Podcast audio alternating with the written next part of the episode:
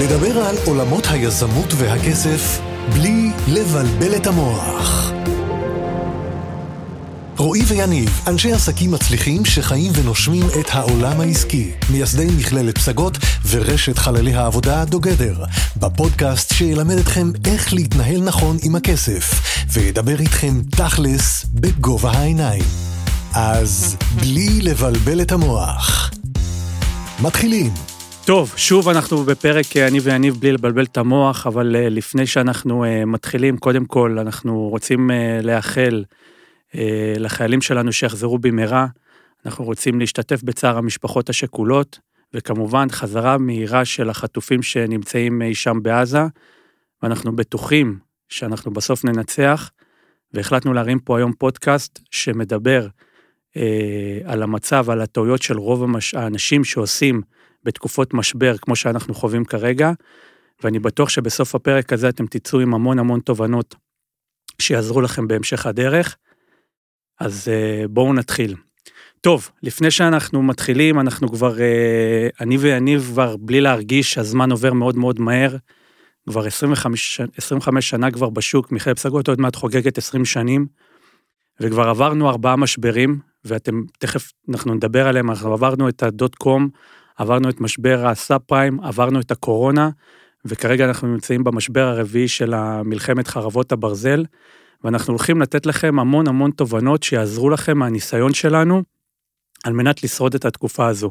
אז יניב, שוב, כיף להיפגש שוב, פודקאסט אה, מאוד מעניין, בואו קצת נדבר ונתחיל להיכנס לעניינים. כן, בהחלט אה, מעניין, כי תקופה משוגעת. תקופה משוגעת כי היום השחור הזה של השביעי באוקטובר הפתיע את כולנו, יום רע, יום שחור, כמו שאמרתי, אבל בסופו של דבר, גם מהימים האלה צריך להמשיך, וצריך לעשות את הדברים נכון, וצריך לא לעשות טעויות, אנחנו כמובן נדבר יותר מהמקום הכלכלי והפיננסי, ובשביל זה אנחנו הרמנו את הפודקאסט הזה כבר היום, זה לא היה תאריך מתוכנן, אה, יש לנו סדרה מתוכננת לצלם אה, פרקים מאוד מעניינים שתכננו בפודקאסטים שלנו, אבל היום החלטנו לעשות פרק מיוחד על התקופה הזו. אני יכול להגיד לכם עלינו ברמה האישית, אה, יומיים ראשונים, יום ראשון, שני, אחרי השבת השחורה, היינו בפאניקה, לא עשינו כלום, אם זה במכללת פסגות, וזה לא פשוט, זה עסק, זה המון המון תלמידים, בו זמנית רצים 30 כיתות כמעט כל ערב, יש פה 80 עובדים בחברה, 40 עובדים ועוד 40 מרצים, יש לנו את החללי עבודה משותפים, זה סך הכל יחד שני החללים 500 משרדים, ואתה קם בבוקר, ופשוט אין לך כוח לכלום. לא מעניין אותך כלום, אתה לא רוצה לדעת כלום, אתה כולך שקוע לדיכאון, ואני זוכר שזה ליווה אותנו בערך יומיים של... לא עניין אותנו כלום, פשוט מאוד היינו באבל נוראי, פאניקה כמו כולם, מה בכלל עושים, לא, לאיזה עולם אנחנו בכלל מתעוררים. אבל בסוף אין מה לעשות, צריך לקום, ואני חושב שהעשייה היא הכרחית. אני חושב שלהיות באבל ולהיות בדיכאון מהתקופה הזו זה לא מה שאנחנו צריכים, זה מה שאולי החמאס רוצה. אנחנו צריכים עשייה, צריכים לעשות פעולות, ודווקא זה מה שירים אותנו. ואחרי היומיים הקשים האלה הגיע יום שלישי, ואז חזרנו ואמרנו, קדימה, מה עושים, איך עוזרים, איך נכנסים לעשייה. הדבר הראשון שראינו מבחינה פיננסית, שזה העולם שלנו, ראינו שאני חושב שזה הדבר הראשון הכלכלי שיצא, בנק, בנק ישראל בראשות פרופסור אמיר ירון פרסם מתווה אה, למשכנתאות. והמתווה הזה מאוד מאוד הזכיר לי, אני אדבר על זה, על מה שקרה בתקופת המשכנתה, בתקופת הקורונה, סליחה, שגם אז בנק ישראל פרסם מתווה לכל מי שיש לו אה, משכנתה. ואולי בנק ישראל בא בטוב, אבל אני זוכר אז בקורונה המון המון המון אנשים עשו טעות בזה שהקפיאו את המשכנתה ובסוף אה, שילמו בריבית דריבית. ואז ראינו את המתווה הזה, אמרנו דבר מאוד פשוט, אנחנו כגוף פיננסי, מקום שמלמד פיננסים, מלמד השקעות, מלמד מכשיר יועצי משכנתאות, אנחנו חייבים לקחת את המתווה הזה ולהסביר אותו לציבור הרחב, להנגיש אותו לציבור הרחב, כי לא כולם, מה לעשות, מבינים את המתווה. המתווה הוא מאוד מסובך, הוא מאוד מורכב. בן אדם מן השורה לא אמור להבין את זה. אחד, למי שהמתווה הוא טוב לו, ולמי שהמתווה הוא לא טוב לו. ולכן התקשרתי, ישר שראיתי את המתווה, זהו, התעשתנו, התקשרתי לאיתי גנור, יועץ משכנתאות, שהוא אה, מנהל תחום המשכנתאות אצלנו במכללת פסגות, ואמרתי לו, איתי, אנחנו צריכים להרים וובינר ולהזמין כמה שיותר אנשים ולהסביר לאנשים, להנגיש להם, הייתי אומר, את המתווה של בנק ישראל. על המשכנתה, למי זה טוב ולמי זה לא טוב. גם מה זה גרם לנו? זה שהחלטנו ממש תוך כמה ימים להרים כנס אינטרנטי, וובינר, זה הכניס את כולנו לעשייה.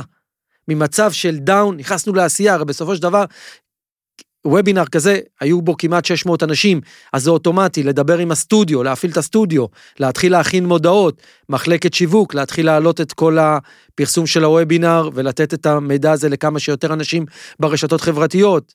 המחלקת שירות לקוחות התעוררה, צריך להתקשר, להזמין, לידע, לתת את כל המידע על הוובינר, ואז למעשה הוובינר הזה הכניס את כולנו לעשייה.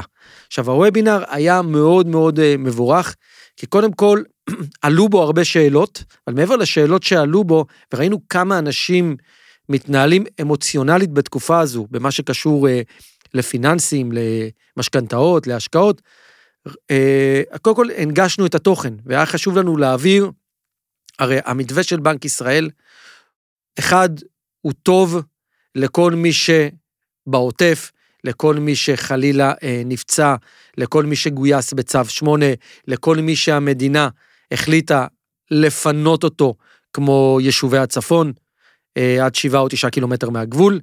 להם המשכנתה טובה, כי בא בנק ישראל ואמר, אנחנו מקפיאים לכם את המשכנתה לשלושה חודשים, לא תשלמו גם כפל ריביות. זה טוב, נהדר.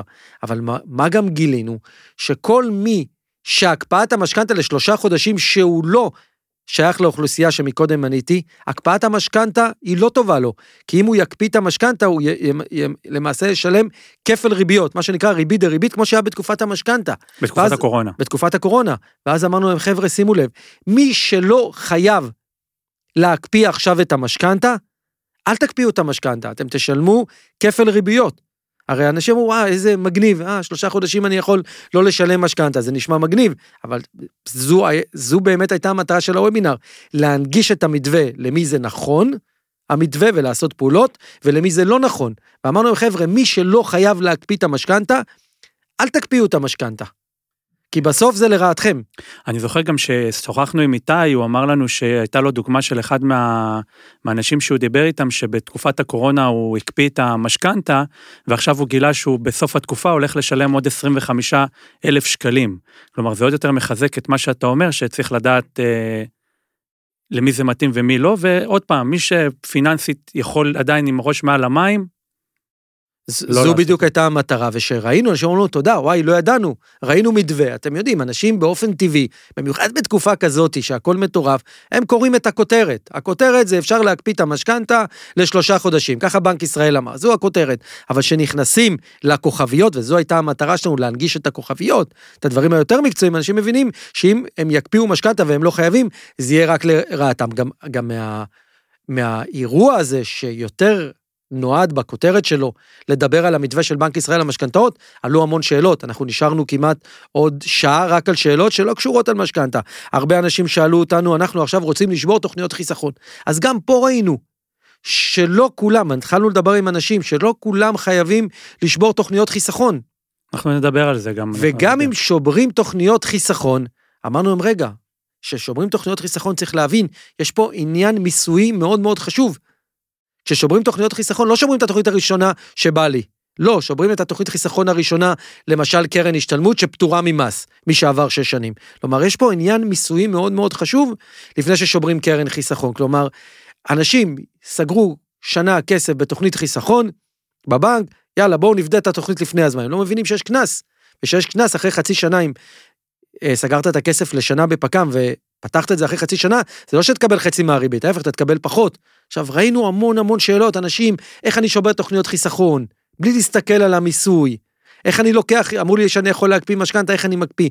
המון דברים שהם לחץ, תוצאה של לחץ, החלטות שהן מאוד אמוציונליות, שאם מסתכלים פיננסית, טהור, מחושב, זה היה ההזדמנות שלנו לבוא ולהגיד להם, שימו לב לזה, שימו לב אה, לזה. הנה, גם הרבה שאלו אותי, הרי השוק הישראלי באופן טבעי, מהרגע ש... מ-7 לאוקטובר, יום אחרי שהשוק נפתח, השוק הישראלי חווה ירידות מאוד חדות.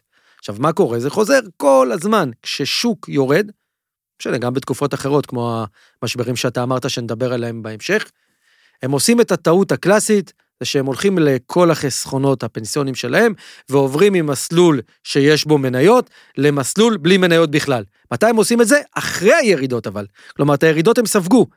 ואז שהשוק יחזור להיות גבוה גבוה, ויגידו, אוקיי, השוק גבוה, אז בואו נחזיר את הכספים הפנסיונים שלנו למסלול שיש בו יותר מניות. כלומר, הם יוצאים ממסלול מניות כשהשוק נמוך, וחוזרים למסלול מניות באפיקים הפנסיונים שהשוק גבוה. זה שאתה- טעות אומר ש- שחוזרת על עצמה כל הזמן. מה שאתה אומר שגם קשה לתזמן את השוק בדיוק בנקודות שאתה רוצה לחזור אליו. בדיוק, עכשיו צריך להסתכל אחורה, אתה עוד מעט עכשיו אנחנו, אתה ידוע כאחד שאוהב לחקור אחורה את הדברים והיסטוריה, אתה תבוא ותיתן נתונים, מה קרה בתקופות מלחמות קודמות, מה קרה אחרי שהמלחמה הסתיימה, וזה כן.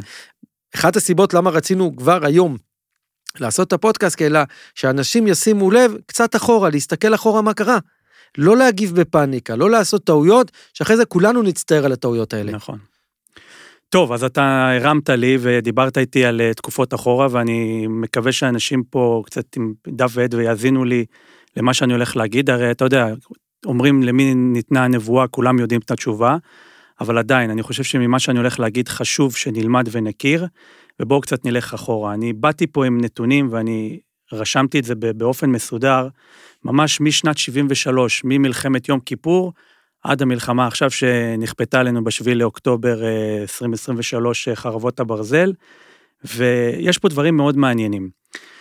אם אנחנו מסתכלים על מלחמת יום כיפור, אני מדבר מרגע אה, אה, תחילת המערכה, אה, אה,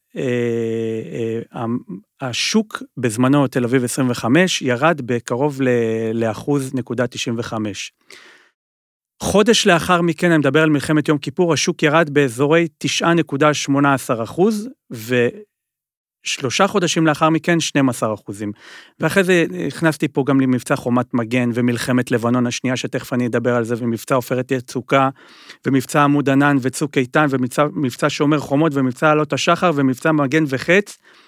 ודבר אחד אנחנו רואים, בהתחלה, רואים בחודש, בימים הראשונים ובחודש הראשון, רואים את זה פה ממש בנתונים, פאניקה, שווקים ברובם יורדים.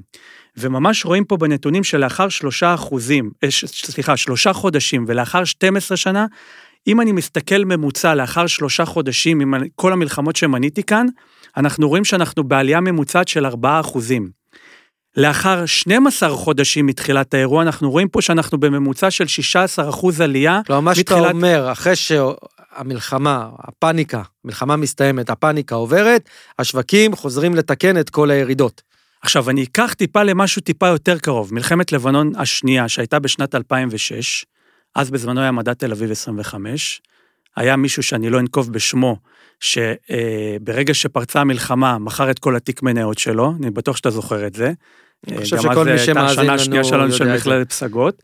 ובסוף התברר בדיעבד שזו הייתה טעות. השוק בזמנו הגיע לאזורי 720 נקודות, מדד תל אביב 25, ואני מזכיר, באותה שנה הוא זינק עד לנקודת שיא שלו, שיא של כל הזמנים, הגיע ל-1250.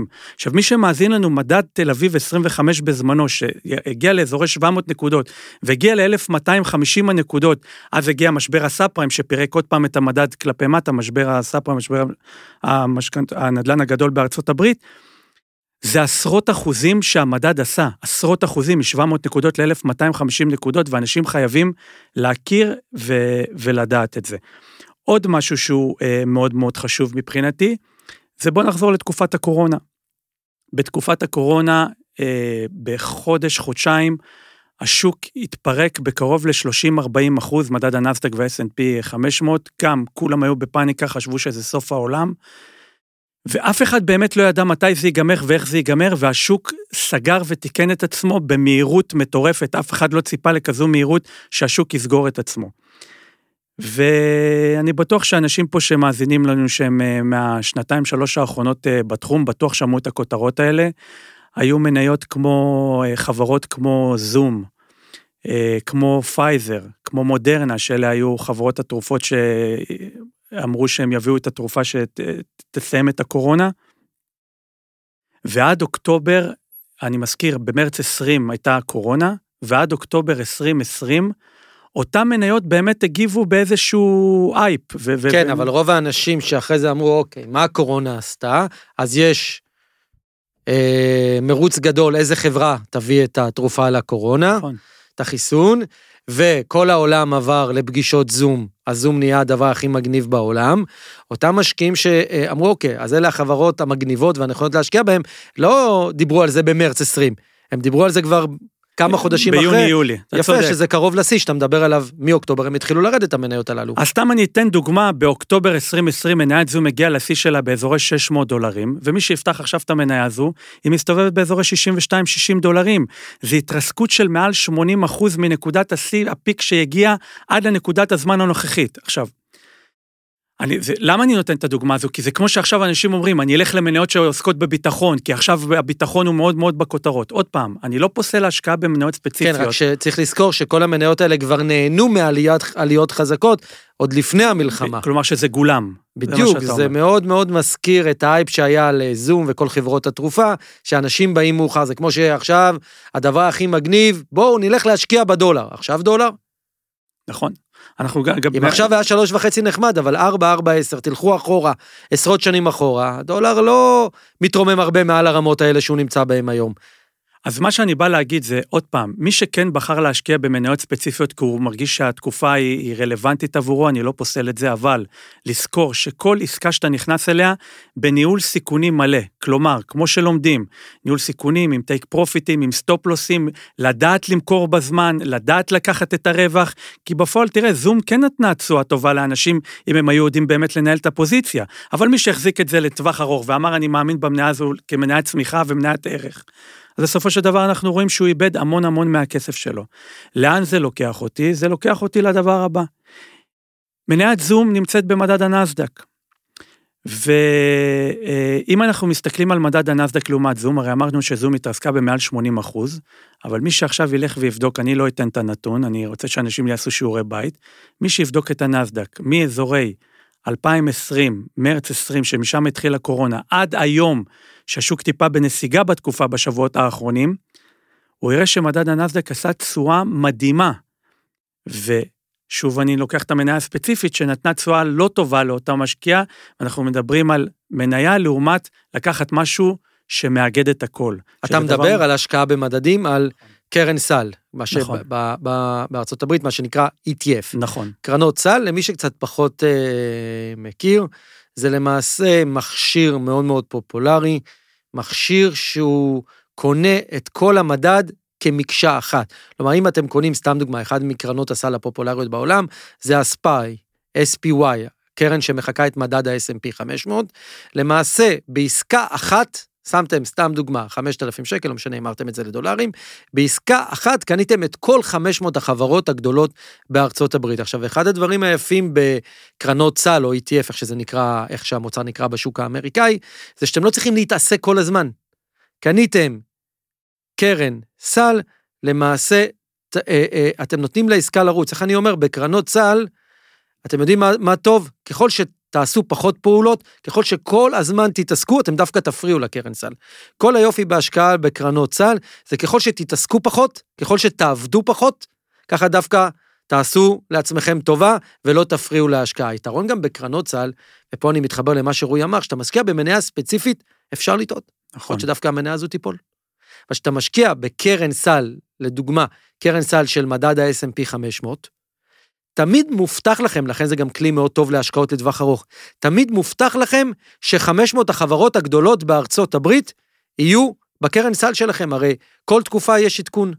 יש מניות שנכנסות ל-S&P 500 ויש מניות שיורדות, כי כבר השווי שלהם הוא ירד, והם לא מתוך ה-500 החברות הגדולות בארצות הברית. כשאתם משקיעים בקרן סל ETF, כל היופי זה שתמיד אתם תחזיקו ב-500 החברות הגדולות בארצות הברית. עכשיו, זה כל היופי, כאילו, תחשבו, אתם משקיעים קטנים שלא רוצים להתעסק יותר מדי. אין למשקיעים קטנים יכולת מחקר וניתוח כמו איזה גוף אה, אה, מחקר אנליסטי שיושבים שם מיטב האנליסטים. ולמעשה, אתם שותפים, אמנם שותפים מאוד מאוד קטנים, אבל אם קניתם עכשיו את הספאי, את הקרן סל על מדד ה-S&P 500, אתם למעשה שותפים קטנים בכל 500 החברות הכי גדולות בעולם. זה לא דורש מכם הרבה התעסקות, ואתם גם לא מתעסקים בכל מיני מניות קטנות, או כמו שרועי אמר, כולם הלכו לזום, כי זה היה נחשב הדבר הבא בעולם, ובסוף זום ירדה מ-600 דולר ל-60 דולר, כי מי שעשה את זה שם את כל הכסף שלו על נייר אחד. נכון, ואני רוצה לחדד עוד נקודה, אם אני עכשיו לדוגמה הולך למניות, הסוג השני של המניות מה healthcare, מהבריאות, המודרנה ופייזר, סקטור הבריאות. סקטור הבריאות, אנחנו רואים בדיוק את אותו סיפור. אנחנו רואים שאותן מניות איבדו עשרות אחוזים, לכו תפתחו את המניות האלו, ואתם ממש ממש תראו שלעומת זאת ה-ETF, XLV, ככה הוא נקרא ETF שמתעסק ב healthcare, אתם תראו שמאזורי מרץ, ששם אה, התחילה הקורונה והשוק משם התפרק במשך חודש עד אזורי אפריל 2020, אתם תראו שמהנקודה הכי נמוכה עד היום, הסקטור הזה עשה קרוב למעל 60-70 אחוז כסקטור, ועוד פעם, אם אני מדבר על מניות ספציפיות, מודרנה ופייזר, התרסקו עשרות אחוזים. אנשים שמקשיבים לנו כרגע חייבים להבין את שני ההבדלים האלה שכרגע אנחנו מדברים זה עליהם. זה חשוב, כי בסופו של דבר, לזהות ספציפית את המניות הטובות, זה הרבה יותר מורכב. האמנתם בסקטור הבריאות? סבבה. אם השקעתם ב-ETF, בקרן סל, שעוקבת אחר סקטור הבריאות, אז הנה עובדה, סקטור הבריאות עלה, כלומר, מי שחשב שהסקטור הזה טוב ועניין אותו מניות בריאות, אז הרוויח, אבל מי שדווקא חשב על סקטור הבריאות, אבל לא קנה את כל הסקטור, לא קנה את כל המדד דרך קרן סל או ETF, אלא הלך על שתי מניות ספציפיות, הפסיד הרבה. חשוב מאוד שכולם יבינו ויכירו את המוצר הזה, גם הוא לא דורש התעסקות גדולה. נכון, נכון. עכשיו, אתה נגעת בנושא של הדולר שקל, שהוא היום מאוד מאוד בכותרות, ואני רוצה לגעת בעוד נתון שלדעתי הוא מאוד מאוד חשוב. תראה, הדולר שקל, מי שמסתכל עליו בעשור האחרון, הריינג' שלו הוא בין שלושה לארבעה שקלים, לכו תבדקו את מה שאני אומר. הייתי גם, כאילו... הייתי, הייתי יותר מקצין, שלוש שלושים לארבעה שקלים. תפתק, ממש רואים את זה, כאילו, והטווח הזה, הוא בסופו של דבר, אתה יודע, הם מסתכלים מהנקודה הנמוכה משלושה שקלים לארבעה שקלים, זה לא משהו שהוא אישיו שאנחנו מדברים פה על מדדים ועל סקטורים שנותנים עשרות אחוזים ודברים שהם כן, מאוד מאוד... כן, זה. חשוב, כי בסוף אנחנו כמשקיעים מרוויחים אחוזים. אם שמתי עשרת אלפים שקל והמניה תעלה עשרה אחוז, אני, אני מרוויח את האחוזים. ובדולר שקל, שרואים את העליות החדות, הדולר עלה לארבע, עלה לארבע אפס חמש, היה בשלוש שבעים, אם תלכו ותסתכלו על זה באחוזים, זה אחוזים לא גבוהים.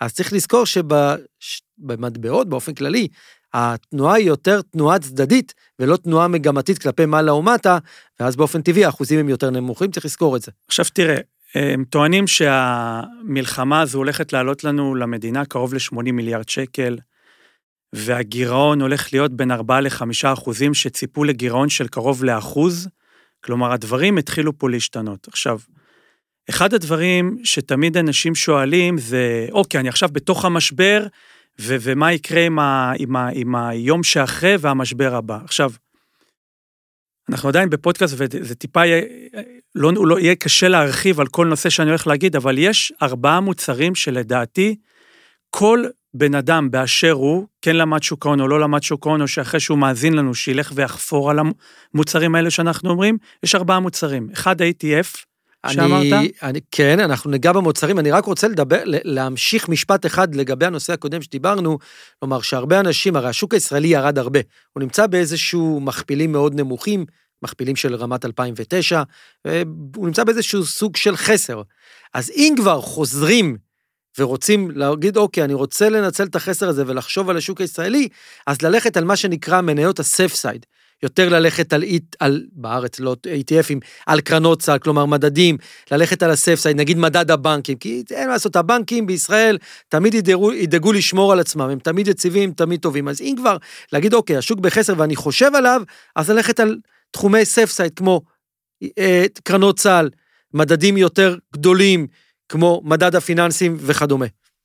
ועוד פעם, אנחנו לא מייעצים פה לאף אחד, ברור שכל אחד צריך לעשות בסוף לפי שיקול דעתו ולפי קבלת ההחלטות שלו, אבל אני חוזר רגע לנקודה שלפני רגע דיברנו, יש ארבעה דברים שאני חושב שכל אחד צריך להגיד. אחד, מה שצריך להכיר, אחד זה ATF קרן סל, מה שאמרנו. השקעה במדדים. השקעה במדדים. שתיים, זה קרנות השתלמות. שלוש, פוליסות חיסכון.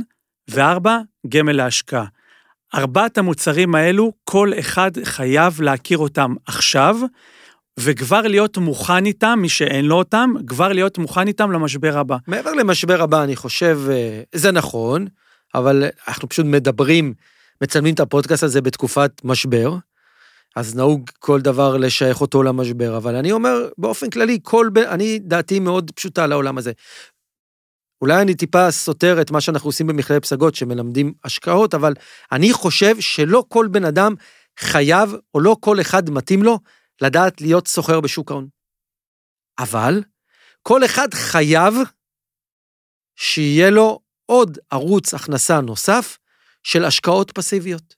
לא מסחר בשוק ההון, לא עכשיו להיות מול המסכים, לקנות, למכור מניות, זה לא מתאים לכל אחד, אני מסכים. זה הרבה יותר אינטנסיבי. אבל כל אחד חייב שיהיה לו עוד ערוץ של השקעה בנכסים פסיביים. שזה ישרת אותו, אמרת משברים, אבל שזה ייתן לו איזושהי הכנסה, שהוא לא יהיה תלוי רק במקום העבודה עוגן. שלו. עוגן, אולי בעתיד זה גם יהיה יותר ממקום העבודה שלו. ואם אתם משקיעים במדדים, כמו שאמרנו, מדדים, לא להשקיע בחברות הקטנות האלה, כי הרבה אנשים מתפתים הרבה פעמים להשקיע במניות קטנות. למה? כי מניה קטנה שעולה שני דולר, אם היא עולה לארבעה דולר, נכון, משני דולר לארבעה דולר זה לא הרבה, אבל זה מאה אחוז, זה מפתה. אבל תזכרו, המניות האלה גם צונחות, אז אנחנו ב, בכל התפיסה שלנו, בכל גם מה שאנחנו דוגלים במכללת פסגות, זה להשקיע בחברות הגדולות, ב-S&P 500, ב-500 החברות הכי גדולות בעולם, ב-100 הכי גדולות בנסדק, ובהשקעה במדדים. אז המוצרים שאתה מדבר עליהם עכשיו, אתה תמשיך ותפרט על יתרונות, מה ההבדל בין גמל להשקעה לפוליסת חיסכון, אני מניח שלא כולם מכירים, ונדבר על זה, אבל ברמת התפיסה, כל בן אדם צריך שיהיה לו הוראת קבע של כמה מאות שקלים בחודש, כל אחד ולפי היכולת שלו.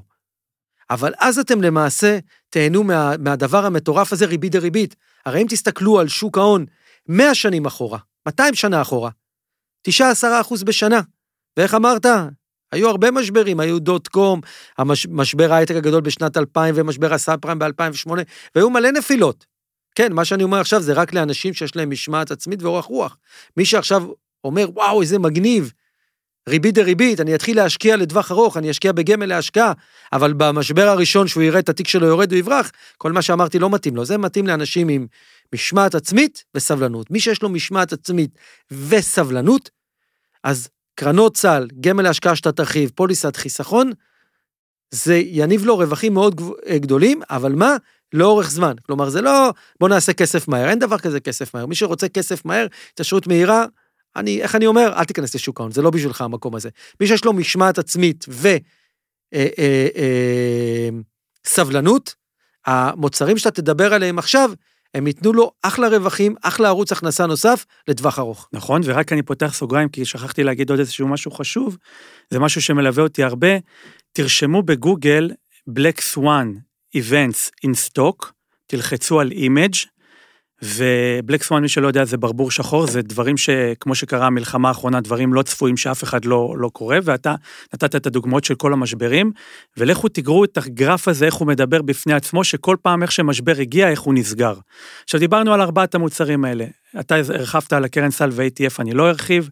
יש לדוגמה את הנושא של קרן השתלמות, שאפשר, אה, אם אתה שכיר או עצמאי, אפשר להפריש לאותה קרן השתלמות, כלומר, אם אתה שכיר, אתה צריך לבקש את זה כמובן מהמעסיק, שאני חושב שזה מכשיר פיננסי מצוין, שלאחר שש שנים אתה גם יכול למשוך את הכסף שהפרשת מדי חודש או מדי שנה. פטור ממס. כמובן שפטור ממס ללא מס רווחי הון, חשוב לציין, וכמובן הדבר הזה גם צובר אה, ריבית דריבית.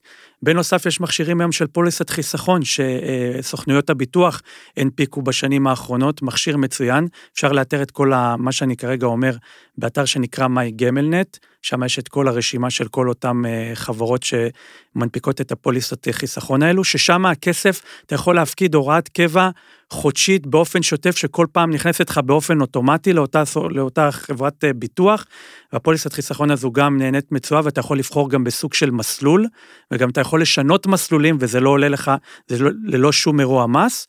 רק אתה צריך לקחת בחשבון, ברגע שאתה מושך את הכסף, אז כן, יש מס על הפוליסת חיסכון, מס רווחי הון.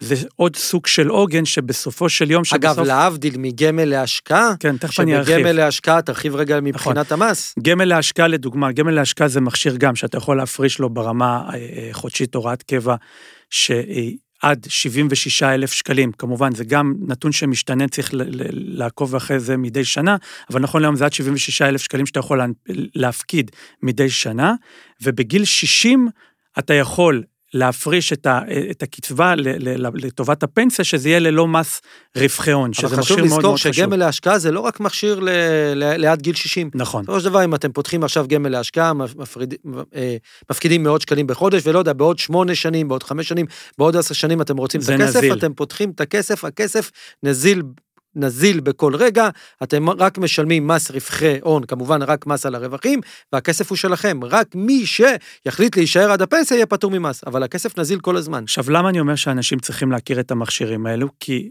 לתקופה הבאה שיש משבר, ואנשים נכנסים לאיזשהו מצב של פאניקה ובעיה תזרימית, המכשירים האלה הם סוג של עוגן. וחשוב שאנשים יהיו מוכנים ליום הבא, וככה הם איכשהו משתחררים מהלחץ הפיננסי שפוקד את כולנו. אז חשוב, חשוב, חשוב. אז זה מבחינת השקעות, אה, מוצרים להכנסות פסיביות בשוק ההון. בואו נדבר על מוצרים להכנסות פסיביות מנדל"ן. בואו נדבר קצת על נדל"ן. תחום שמאוד מעניין גם. תחום. שמאוד מעניין. קודם כל, בואו צריך לזכור, תחום הנדל"ן היום סובל משלוש בעיות אה, קשות. אחד, אין פועלים, אין מי שיעבוד. אה, פלסטינאים לא עובדים, עכשיו התחילו לשחרר טיפה אה, בפרויקטים מסוימים, כי עיריות מסוימות הגישו עתירות, אבל עדיין הרבה פרויקטים כרגע תקועים. שתיים, משרדי מכירות סגורים, אין קונים. ושלוש, הרבה חברות נדל"ן הגיעו למשבר הזה בגלל שהגענו לזה בריבית בנק ישראל מאוד מאוד גבוהה. הרבה חברות הגיעו מאוד ממונפות והם משלמים הרבה כסף על ההלוואות כי הריבית מאוד גבוהה. צריך להבין, שוק הנדל"ן היום נמצא במשבר מאוד גדול. אה, בגלל, הסיבה השלישית שאמרתי, הרבה חברות נדל"ן הגיעו ממונפות למשבר הזה, כי הם לקחו הלוואות בשביל הפרויקטים, רק שהם לקחו הלוואות שהריבית הייתה 0.1 ולא 4.75 כמו היום. שהפריים הוא 6.25, הן אה, צריכות לשלם הרבה כסף לשרת את ההלוואה, וזה לא יעזור, בסופו של דבר החברות האלה יצטרכו לעשות ולתת עוד ועוד הנחות שכבר הם נתנו. אבל הירידות במחירי הנדל"ן, אנחנו כבר בתוך הירידות של הנדל"ן, להערכתי, בחצי שנה הקרובה, או אפילו טיפה יותר, הירידות בשוק הנדל"ן יחריפו. כלומר, אם אתה שואל אותי טווח קצר בינוני, לא הייתי קונה עכשיו דירה, הייתי נכנס, הייתי מבין, הייתי חוקר. זה הזמן להיכנס ולהבין ולחקור, כי מי שלא ייכנס עכשיו ויחקור עכשיו את שוק הנדל"ן ויבין שכונות, אזורים, לא ידע לזהות את, את המחירים הטובים כששוק הנדל"ן יתחיל להתהפך כלפי מעלה. הוא לא יהיה שם פשוט, הוא יבוא עוד פעם שהמחירים גבוהים. אבל לקנות בחודשים הקרובים, אני חושב שזה טעות, כי אני צופה טווח קצר בינוני, מחירי נדל"ן יורדים.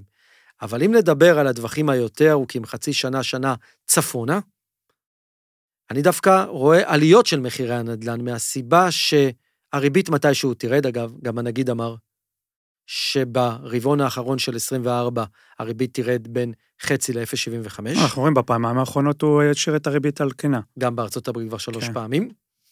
אז הריבית תתחיל לרדת, הוא אמר ברבעון האחרון של 24, זה גם ייתן רוח גבית, זה לא כמה הריבית ירדה, זה הדיבור על זה שכבר אנחנו מדברים על נכון. ירידות, זה המון המון פסיכולוגיה. זה לא רק הכמה חצי או 0.75. שתיים, בכל התקופה הזו שאיך אמרתי, אין פועלים, זה פוגע בהיצע, אבל זה לא פוגע בביקוש. יש ביקוש קשיח ל-60-70 אלף דירות בשנה. מדינת ישראל היא מדינה מאוד צומחת, צומחת בכמעט 200 אלף אנשים בשנה. זה המון המון המון יותר מכל מדינות ה-OECD. לכן, הפגיעה כרגע בהיצע לא תפגע במחירים, ההפך תוריד את המחירים, אבל הפגיעה כרגע בהיצע לטווח של שנה ומעלה, תפגע בהיצע, כמו שאמרתי, אבל הביקושים הם עדיין קשיחים, ואז זה אמור להעלות את המחירי הנדל"ן כלפי מעלה. אז כשמסתכלים עכשיו על שוק הנדל"ן, צריך להסתכל בין טווח קצר בינוני, לטעמי ירידות, לבין טווח יותר ארוך, כמו שאמרתי, עליות. אני רוצה רגע להוסיף על מה שאמרת. אה, קודם כל, שוב, קצת נתונים, המדינה קצת הולכת להיפגע מכל הנושא של מיסוי מקרקעין בעקבות ההאטה שאמרת. מדברים על 12 מיליארד שקל על כל הנושא של, אה, אתה יודע, מס רכישה וכדומה, שהמדינה. הולכת עסקאות, שזה נתון חשוב. ורמי, כל מה שקורה ברמי, רשות מקרקעי ישראל. נכון, מי שלא מכיר, אומרים שיש נזק של קרוב ל-20 מיליארד שקל, שזה גם דברים שהמדינה צריכה לקחת אותם בחשבון, וזה כמובן גורם להאטה. עכשיו, אני רוצה לגעת בנקודה שדיברת על הנדל"ן, וגם פה דווקא להסתכל היסטורית. אני זוכר, 2008 היה סאב פריים עצירה. 2011, אני לא יודע אם אנשים זוכרים, היה מחאת הדיור, יצאו לרחובות, וגם שם ציפו... יוקר המחיה. מחאת יוקר המחיה, נכון, וגם שם ציפו לעצירה. ואז מע"מ אה, אפס. מע"מ אפס של לפיד הביא, גם שם ציפו כי בסוף לעצירה. צריך להבין, נדל"ן זה פשוט היצע, ביקוש. והכי חשוב, הקורונה שהגיעה, גם שם התבצעה עצירה, ואני מזכיר, בשנת 22, השוק קפץ במעל 20 אחוז. 20 אחוז השוק קפץ שאנחנו כי קיבלנו בכל בלימה. עצירה כזאת, כמו עכשיו, אין עסקאות, זה לא, זה... גם הירידות עכשיו של הנדל"ן, זה ירידות פיקטיביות. למה אני קורא לזה ירידה? קודם כל, שוק הנדל"ן כרגע יורד. למה אני קורא לזה ירידה פיקטיבית? כי ירידה אמיתית זה שההיצע גובר על הביקוש. זה שכרגע שוק הנדל"ן יורד, זה לא כי ההיצע גובר על הביקוש, לא, זה כי הריבית עלתה. נכון, ועכשיו זה ריבית פלוס מה שקורה, המשבר של המשבר המלחמה. שאנחנו חווים כרגע. אבל ברגע שהריבית תרד, ודיברתי על הריבית, והמלחמה תסתיים, הביקושים הם קשיחים, ואז זה אמור להקפיץ את השוק כלפי מעלה. תראה, גם אני חושב שאתה יודע, בסופו של דבר מדברים על זה של הנושא של ההתחדשות העירונית בנדל"ן, זה איזשהו מנוע לקבלנים, וחשוב שאנשים גם יכירו את זה. לסיום, אני רוצה רק לגעת בכמה דברים אה, לפני שאנחנו מסכמים את מה שאמרנו, יניב, אני רוצה שנדבר על זה, שחשוב לי שמי שמאזין לנו, ואנשים נלחצים מתקופה כזו, לפעמים לא בושה להגיד, אני יושב על הגדר. אתה יודע, יש כאלה שכל הזמן הם באטרף של עשייה, ו- ו- ואני רוצה להשקיע בנדל"ן ורוצה להשקיע בשוק ההון. אם מנטלית קשה לכם לישון בלילה עם ירידות ותנודות תנודות שהולכות להיות כן. בשוק בתקופה כזו, לא בושה להגיד, אני יושב על הגדר, ואנשים צריכים לדעת את זה. אז uh, לסיכום, מה, מה דיברנו היום? דיברנו על uh, שלושה דברים. דיברנו אחד, על איך בתקופה של uh, משבר, אם אתה בעל עסק או בהשקעות, אתה חייב להתרומם ולהמשיך לעשות כדי, לעשות, כדי להשתחרר מהקיבעון, וזה בסוף, איך אמרת, אמרת יפה, זה הניצחון שלנו. שתיים, דיברנו על עולם ההשקעות, שלא רק לפזר במניה אחת, דיברנו שצריך להבין את המדדים ואת הסקטורים הבאים בתור, ולנצל משברים לטובתנו. ושלוש, דיברנו על כל הנושא של עולם הנדל"ן, שאמרנו שעולם הנדל"ן כל פעם משבר מוביל למשהו חדש ולצמיחה חדשה, ובדרך כלל שוק צומח ועולה. בדיוק, ובהזדמנות הזו נאחל קודם כל, אה, נקווה, נתפלל לכל החטופים שיחזרו, וחשוב מאוד מאוד שכל החיילים שלנו יחזרו הביתה בשלום. אמן. אמן. להתראות. ביי להתראות.